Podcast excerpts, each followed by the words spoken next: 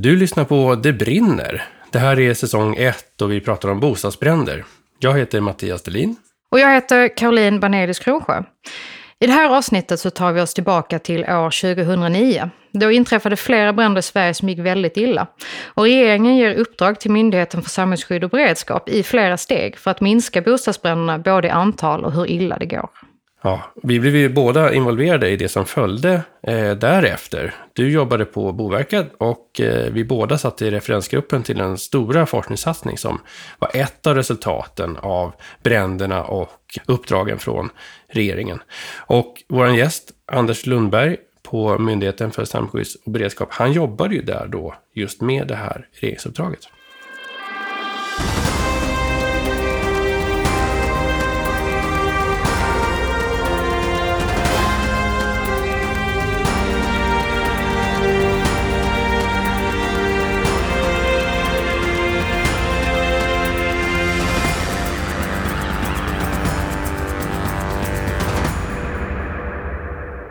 Hej Anders!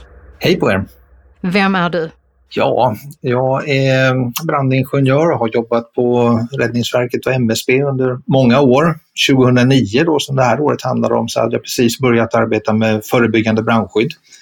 Så att eh, det här kom att prägla väldigt mycket utav eh, den tiden jag jobbade med, med brandförebyggande frågor på MSB.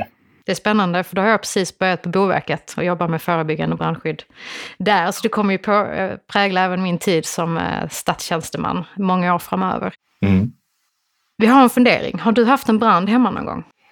Nej, det har jag faktiskt inte. Jag har haft eh, tillbud till brand en gång när vi höll på och renoverade och jag hade ställt en sån bygglampa alldeles för nära brännbart. Det var någon, någon möbel faktiskt som, som började ryka lite. Men det var snabbt åtgärdat. Vad fick du göra? Gå in med vatten, hamra och släckare? Nej, nej, nej, nej. Jag bara uh, släckte lampan. Tog bort den. ja. ja, så kan man också göra. det är ju smart. Mm, det är bra. Om vi tar oss an nu, 2009. Datum kronologisk ordning. Vad som händer där. Eh, så tänkte jag börja den 25 juli i Stockholm. För att då inträffar en eh, brand som får väldigt allvarliga konsekvenser. Det är på kvällen den 25 juli 2009. Man vet inte exakt när branden börjar, men det första larmet in till SOS Alarm, det kommer klockan 22.15. Det är ett flerfamiljshus med hyreslägenheter. Det är åtta våningar högt. Det har startat en brand i ett eh, mindre gästrum i en ganska stor lägenhet som ligger längst ner i huset. Eh, I den lägenheten befinner sig 13 personer. Alla de utrymmer via trapphuset. Men lägenhetsdörren lämnas öppen och sprider då rök till trapphuset och eh, det blir ganska fort rökfyllt, det här trapphuset. Man larmar tre stycken brandstationer till platsen. Den första får i uppgift att söka efter personer i den brinnande lägenheten. Den andra får i uppgift att släcka branden och se till att den inte sprider sig. Och den tredje får i uppgift att genomsöka trapphuset.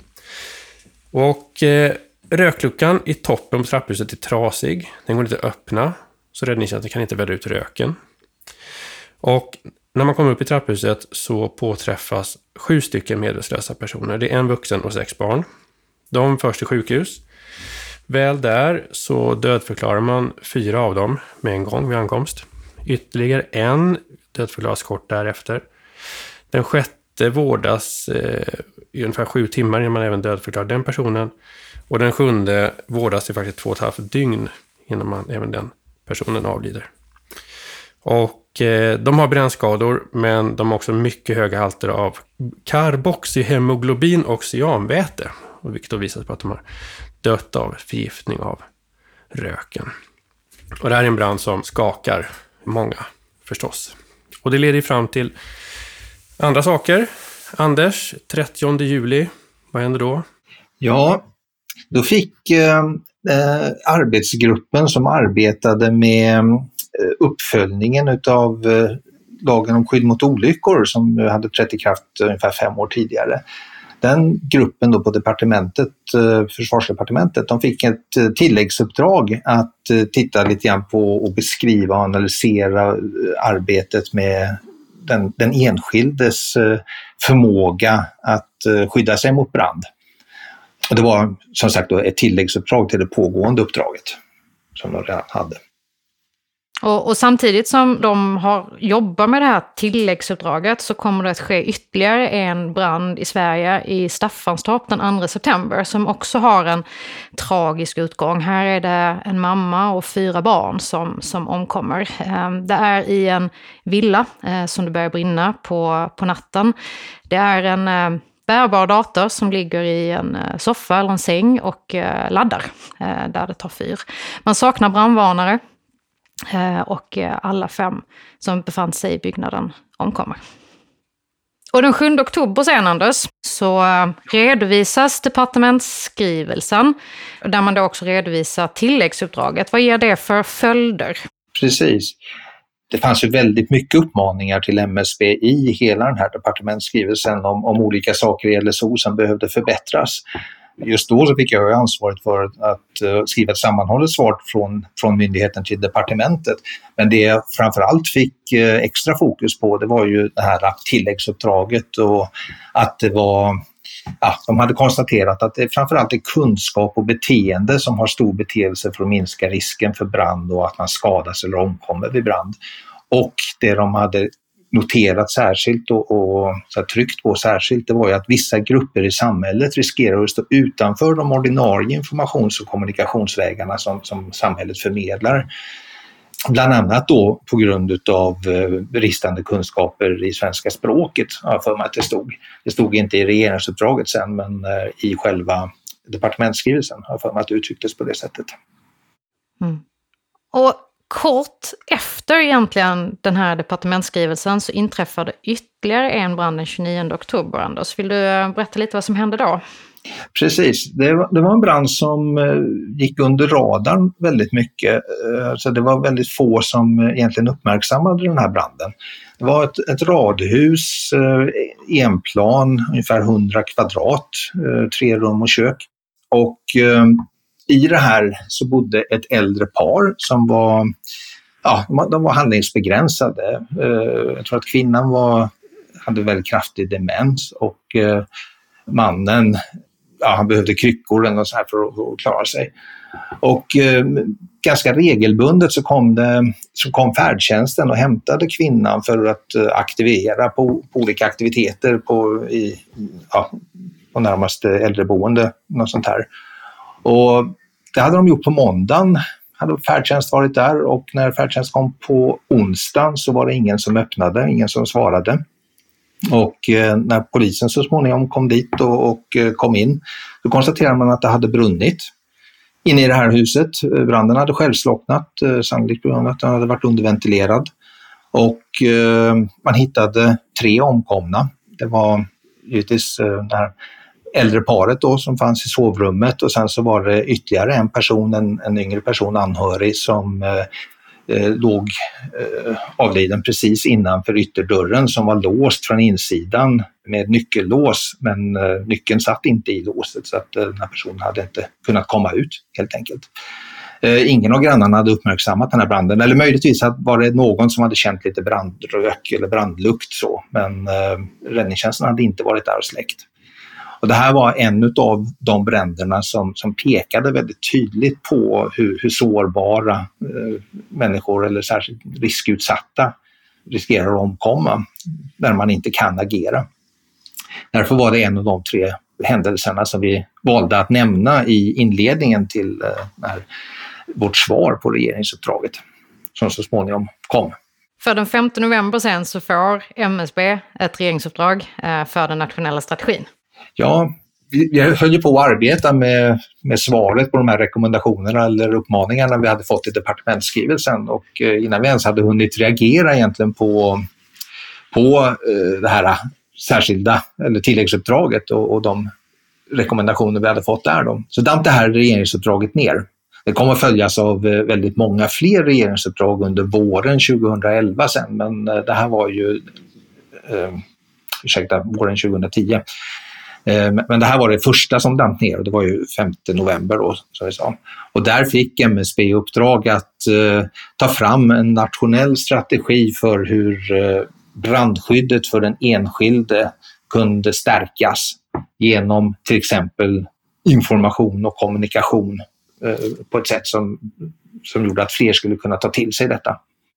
Pa parallellt här också så, den, den brand som Mattias precis berättade om eh, i Stockholm utreddes ju av eh, Statens haverikommission och även där fick ju MSB en del rekommendationer. Så de jobbas ju också med senare då, eh, när väl rapporten kommer, eh, parallellt. Mm. Kan ju tilläggas. Eh, så av de här tre bränderna så, så är ju den, den, den 25 juli eh, en brand som utreds av haverikommissionen. Precis. Men den här strategin då, Anders, den lades ju upp som en flerstegsraket. Hur, hur såg den ut i stort? Ja, det skulle man kunna säga. Vi, vi satte igång med hull och hår där och eh, började fundera på eh, vad, vad, är det för, vad är det för brister, vad är det för någonting vi behöver sätta in åtgärder för eller mot, eh, eller förbättra i kommunikationen vi, vi tog eh, kanske ett lite större eh, grepp över hela brandsituationen än vad vi hade behövt göra för att eh, som jag sa, det kommer ytterligare regeringsuppdrag och där kommer också ett uppdrag om eh, rimligt brandskydd i boendemiljö som så att det var lite mer eh, av teknisk karaktär eller ja, även om man skulle behöva göra några ändringar i, i regelverken, alltså egentligen byggreglerna och LSO då i det fallet.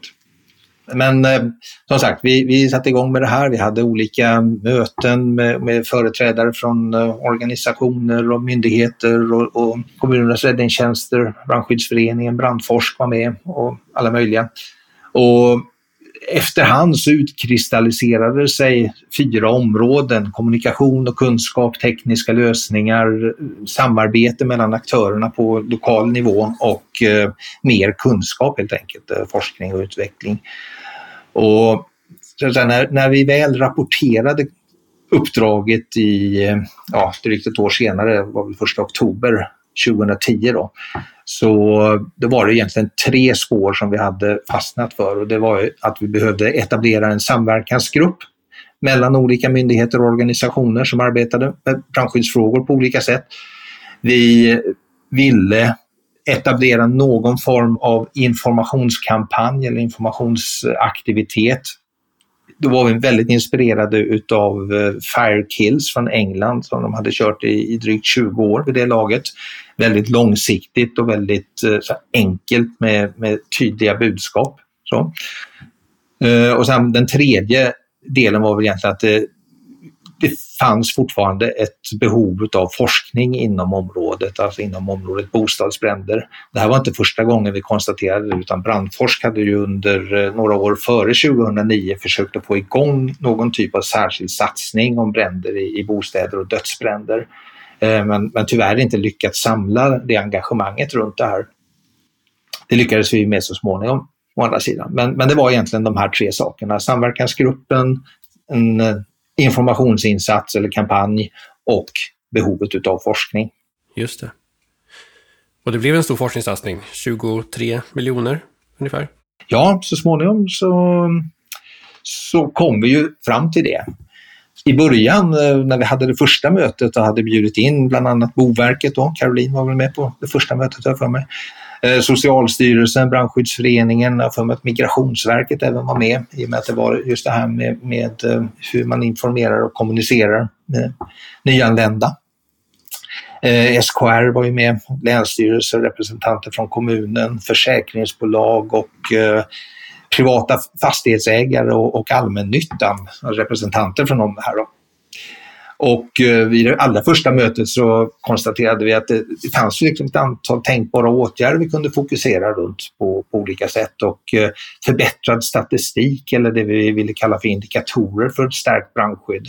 Det var någon som uttryckte det på, på ett sätt så att när, om GD om tio år får frågan varför eller hur vet du att brandskyddet har förbättrats? så ska hon kunna liksom visa på de här siffrorna, på de här indikatorerna och säga att ja, men det, det, är de här siffrorna som visar att brandskyddet har förbättrats. Att den eh, indikatorgruppen där, eller indikatorarbetet, eh, etablerades väldigt snabbt.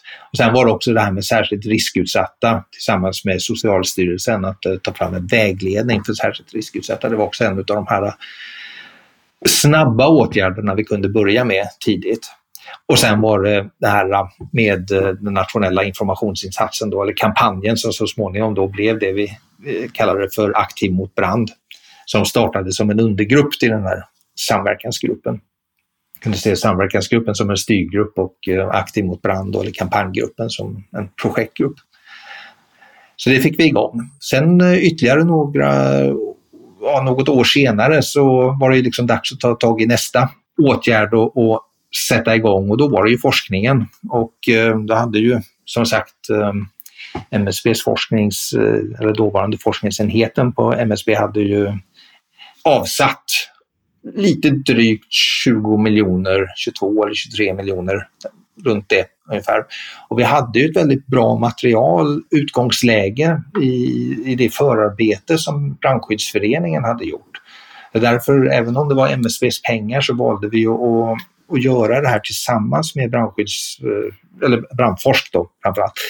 Så att vi kunde använda den här eh, förstudien och, och eh, Brandforsks eh, kontaktnät med forskargrupper och liknande för att få det här så bra som möjligt då, med, även med referensgrupper och så vidare. Och när den här utlysningen väl etablerades så var det ju mycket kunskap eller, eller mycket i utlysningen som byggde på den gamla eller den tidigare behovs behovsanalysen som fanns om vilken forskning som behövdes. Och sen höll det på ungefär fem år och eh, mycket av de rapporterna som kom ut pekade ju mycket på just det här med särskilt riskutsatta. Så det blev ju ännu mer aktuellt egentligen i, ju längre forskningsprojektet kom. Mm. Om man backar tillbaks till uh, indikatorerna. För, för vi vet ju att uh, nu har det ju gått tio år och lite mer än så. Har man kunnat visa på att strategin har, eh, har hjälpt? Det har skett en förändring. Om det exakt går att härleda till att det är strategins arbete som har, som har bidragit till detta, då, då, skulle jag vara jätteglad. För det är ju en stor del av det jag har jobbat med i sådana fall. Men eh, det syns ju en positiv utveckling. Det är fler som har brandvarnare, det är fler som har eh, släckredskap i hemmet. Det är färre som omkommer under den här perioden. Det finns indikatorer på att det är färre som skadas. Och så. Antalet bränder eh, i bostäder det ligger på ungefär samma nivåer. Det har inte hänt så jättemycket där. Men eh, det är ju flera utav de här indikatorerna som vi har använt som eh, så att säga, har gett grönt ljus då i, i eh, trafikljussignal med rött, gult och grönt. Så att eh, på det stora hela så ser det ut som det har skett en förbättring utav brandskyddet, ja. Mm. För den första delen, den satte ni upp med målsättningar till 2020. Och så gjorde man en utvärdering när det närmade sig 2020. Och så gjorde man en revidering av strategin också med en ett nytt måldatum, det var 2030 och sånt där. Är det, var det stora förändringar i strategin eller var det mindre justeringar bara? Jag skulle nog vilja säga att den reviderade strategin för nästkommande tioårsperiod, så att säga, där hade vi ju lärt oss en del vad som funkade och vad som inte funkade och eh, vad, vad man behövde satsa på för att nå ännu längre. Och jag skulle nog säga att det är kanske lite mer fokus på lokala åtgärder, att man så att säga, når ut i lokalsamhället till, till individerna, de enskilda, på olika sätt. Eh, med utbildning eller information och, och lite mer personlig snarare än, än eh, stora kampanjer. Så att eh, visst lärde vi oss utav de första åren så och, och har gjort en revidering efter det kan man inte skylla allting på pandemin, men det har varit, jag skulle säga att det, hade kanske inte kommit igång riktigt med en rivstart, den nya inriktningen. Men den finns där och MSB arbetar ju utifrån den så gott vi kan. Har man då också behållit indikatorerna och satt nya mål för dem till, till 2030? Eller har man även varit inne och reviderat dessa? Det är ju nya mål till 2030 och eh, lite smartare mål också som är lättare att mäta. 2010 när vi skrev det här så kanske vi var lite optimistiska och, och eh, allt gick inte att mäta och allt skulle inte komma gå att mäta heller. Men eh, med den kunskapen i bagaget och smartare formuleringar så, så har det ju satts nya mål på indikatorerna. Givetvis. nollvisionsarbetet, det är ju inte på tio års sikt, eh, inte till 2020 och det var inte till 2030 heller, utan det är, det är ju på riktigt lång sikt det arbetet pågår. Just det, för det har vi egentligen inte sagt, att strategin mynnade ut i en nollvision. Precis, det gjorde den. Vi funderade väldigt mycket på om vi, om vi skulle skriva en nollvision eller inte, men eh, vi landade i att nej, det finns egentligen inget alternativ. Det, vi kan inte säga att det är okej okay att si eller så många omkommer.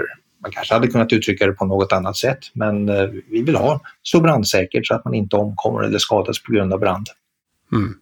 Du nämnde här också att ni vill jobba brett, ni vill nå så här, djupt i lokalt i samhället och eh, hur ser ni från MSB, hur, hur eh, många andra myndigheter, förvaltningar, kommuner och deras nämnder och så vidare, eh, har ni fått med dem? Är de ombord? Jag skulle säga att det beror till ganska stora delar på hur vi kan eh, uppmuntra och hur vi kan stimulera arbete ute i, i lokalsamhället, i kommunerna. Och vi brukar ibland säga att eh, från, från myndigheten kan vi styra med pengar, med författningar och med eh, kunskap helt enkelt. Va? Och eh, i en del som vi har haft, som faktiskt också ingick i, i översynen eller i, i uppdraget med den nationella strategin, det var ju att se över hur vi använde de här pengarna vi har för eh, uppdragsersättningar kallas det. Räddningsverket och MSB hade ju ungefär 30 miljoner per år för att eh, få olika ideella organisationer att arbeta på olika uppdrag utav myndigheten. Och där var ju brandskyddsfrågan en, väldigt, eh, en ganska stor del, ungefär en eh, femtedel utav pengarna ungefär disponerade vi för olika brandskyddsåtgärder eller brandskyddsaktiviteter i det här. Så att det har sipprat ut så att säga till, eh, till utförarna längst ut. Eh, och det har varit ett väldigt bra stöd. Jag ser att det hade varit väldigt svårt att göra det här om vi inte hade haft den möjligheten. Mm. Vilka åtgärder, sett till den forskning som bedrevs och de resultaten som kom, gav det några direkta åtgärder utifrån vad MSB gjorde? Mycket av det som eh, MSB har fokuserat kring på senare tid efter forskningen så att säga, har ju tagit eh, lite ansats i olika forskningsresultat men även egentligen eh, nationella strategin. I Brandforsks utlysningar och de eh, bedömningar där, där MSB har varit inblandad så har vi så att säga, ofta valt att prioritera projekt eller bifalla föreslå att projekt som gynnar den nationella strategin eller var i linje med den nationella strategin att de skulle bifallas, att de skulle få pengar och, göra de här små forsknings eller studierna inom brandforsk. Så där, där har den nationella strategin varit väldigt tydlig för MSB. Och sen även då resultaten, forskningsresultaten på olika sätt hur vi har arbetat. Och jag skulle nog säga att det vi framför allt har fokuserat på de sista åren har ju egentligen varit det här med särskilt riskutsatta och en förbättrad vägledning för eh, hur kommunerna kan arbeta med att, att stärka brandskyddet för de personer som kanske befinner sig i, i sin egen bostadsmiljö med, med ett brandskydd som hör till den normala bostaden men som inte längre skyddar personen i fråga eftersom man kanske inte kan agera händelse man kanske inte kan komma upp ur sängen om brandvarnaren börjar tjuta. Man kanske inte förstår vad det är som man behöver göra eller hur man behöver agera för att klara sig.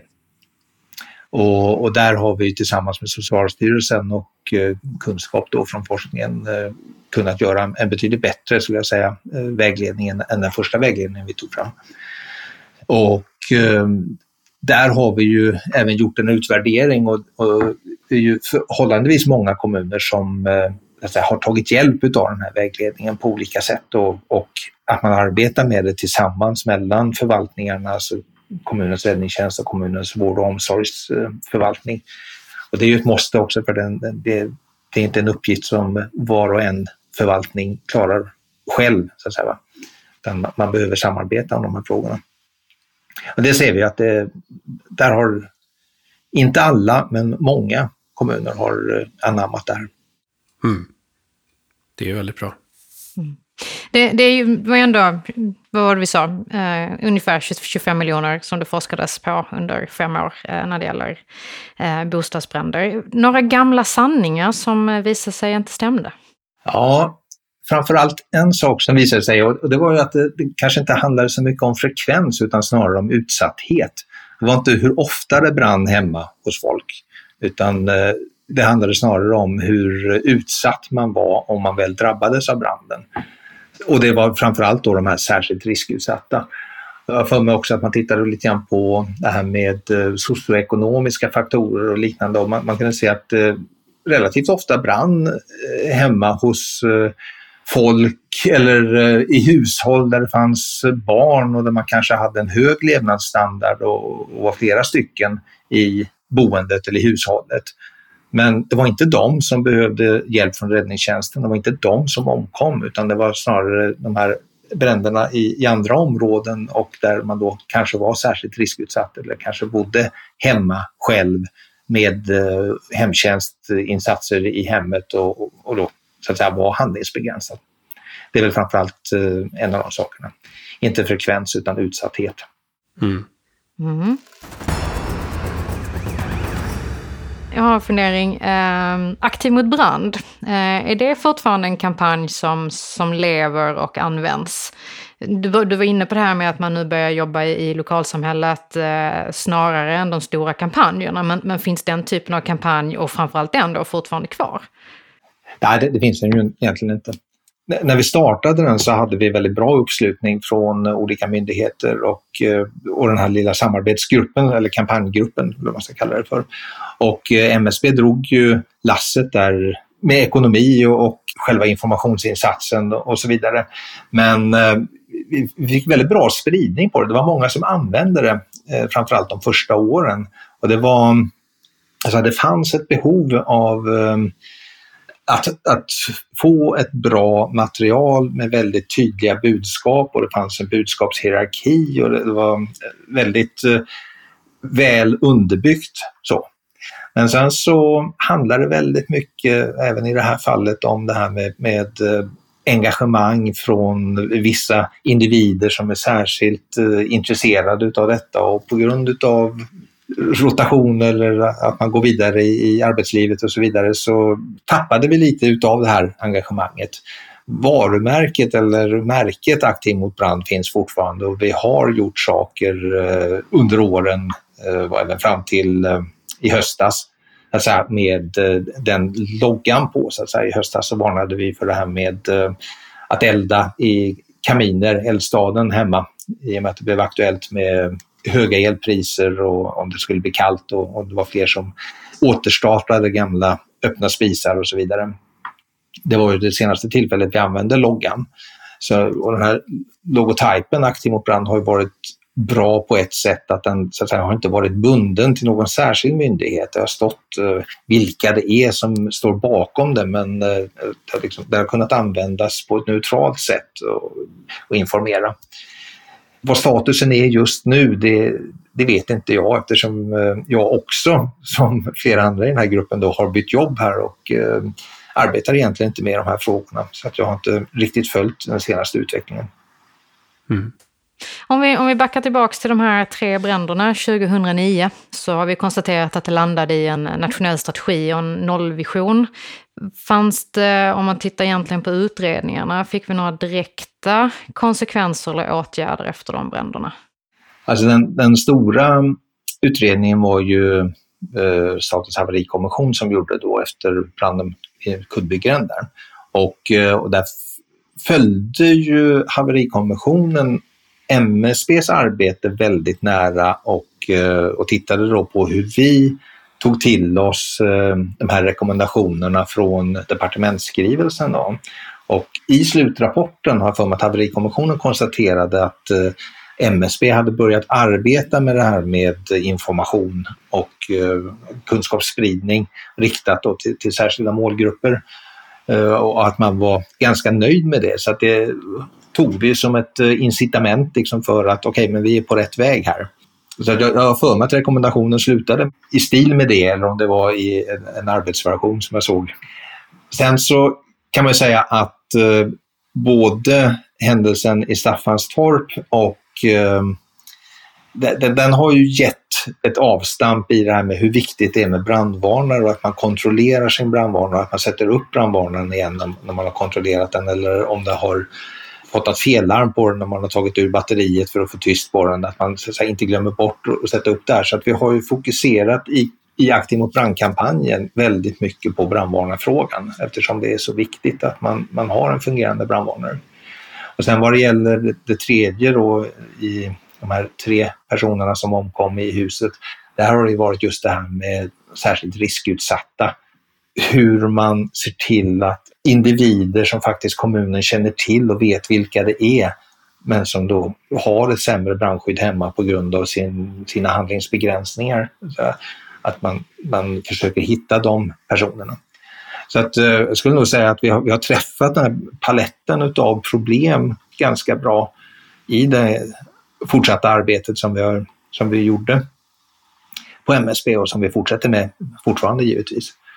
För det här var tre händelser som var ganska illustrerande tyvärr för de här bristerna eller problemen. Mm. Men Karo, du var ju på Boverket vid den här ja, tiden. Genomförde Boverket några förändringar i byggreglerna? Nej, det gjorde vi inte. Vi fick två stycken rekommendationer. Eh, den ena om att man skulle ha dörrstängare på lägenhetsdörrar eh, i flerbostadshus och den andra att man skulle ha automatisk röklucka i, i trapphusen. Eh, just därför att man glömmer ofta att stänga dörren när man utrymmer och eh, att få ett rökfritt trapphus i ett tidigt skede skulle eventuellt kunna, kunna ha undvikit en del av de här dödsfallen. Eh, men, men det blev aldrig några korrigeringar eller förändringar i byggreglerna, det blev det inte. Därför där tittar man då på, på det samhällsekonomiska. För att motivera en förändring i byggreglerna så behövdes det samhällsekonomiskt. Så det kunde inte Boverket motivera. Anders, nu har det gått snart 14 år sedan, sedan eh, de här bränderna 2009 och, och jättemycket har blivit gjort. Är det någonting du känner att du saknar, att du önskar hade, hade hänt men som inte har kommit på plats? I början så pratade vi ganska mycket om förlåtande system. Alltså att det skulle kunna börja brinna i bostaden utan att man för den skull skulle skadas eller omkomma. Om olyckan inträffar så blir konsekvenserna inte så stora. Och där ser jag att eh, det finns incitament och det fanns redan då, till exempel det här med portabla släckanläggningar som kan installeras eh, som man kanske då behöver om man är sängbunden eller inte kan röra sig fritt. Så att säga.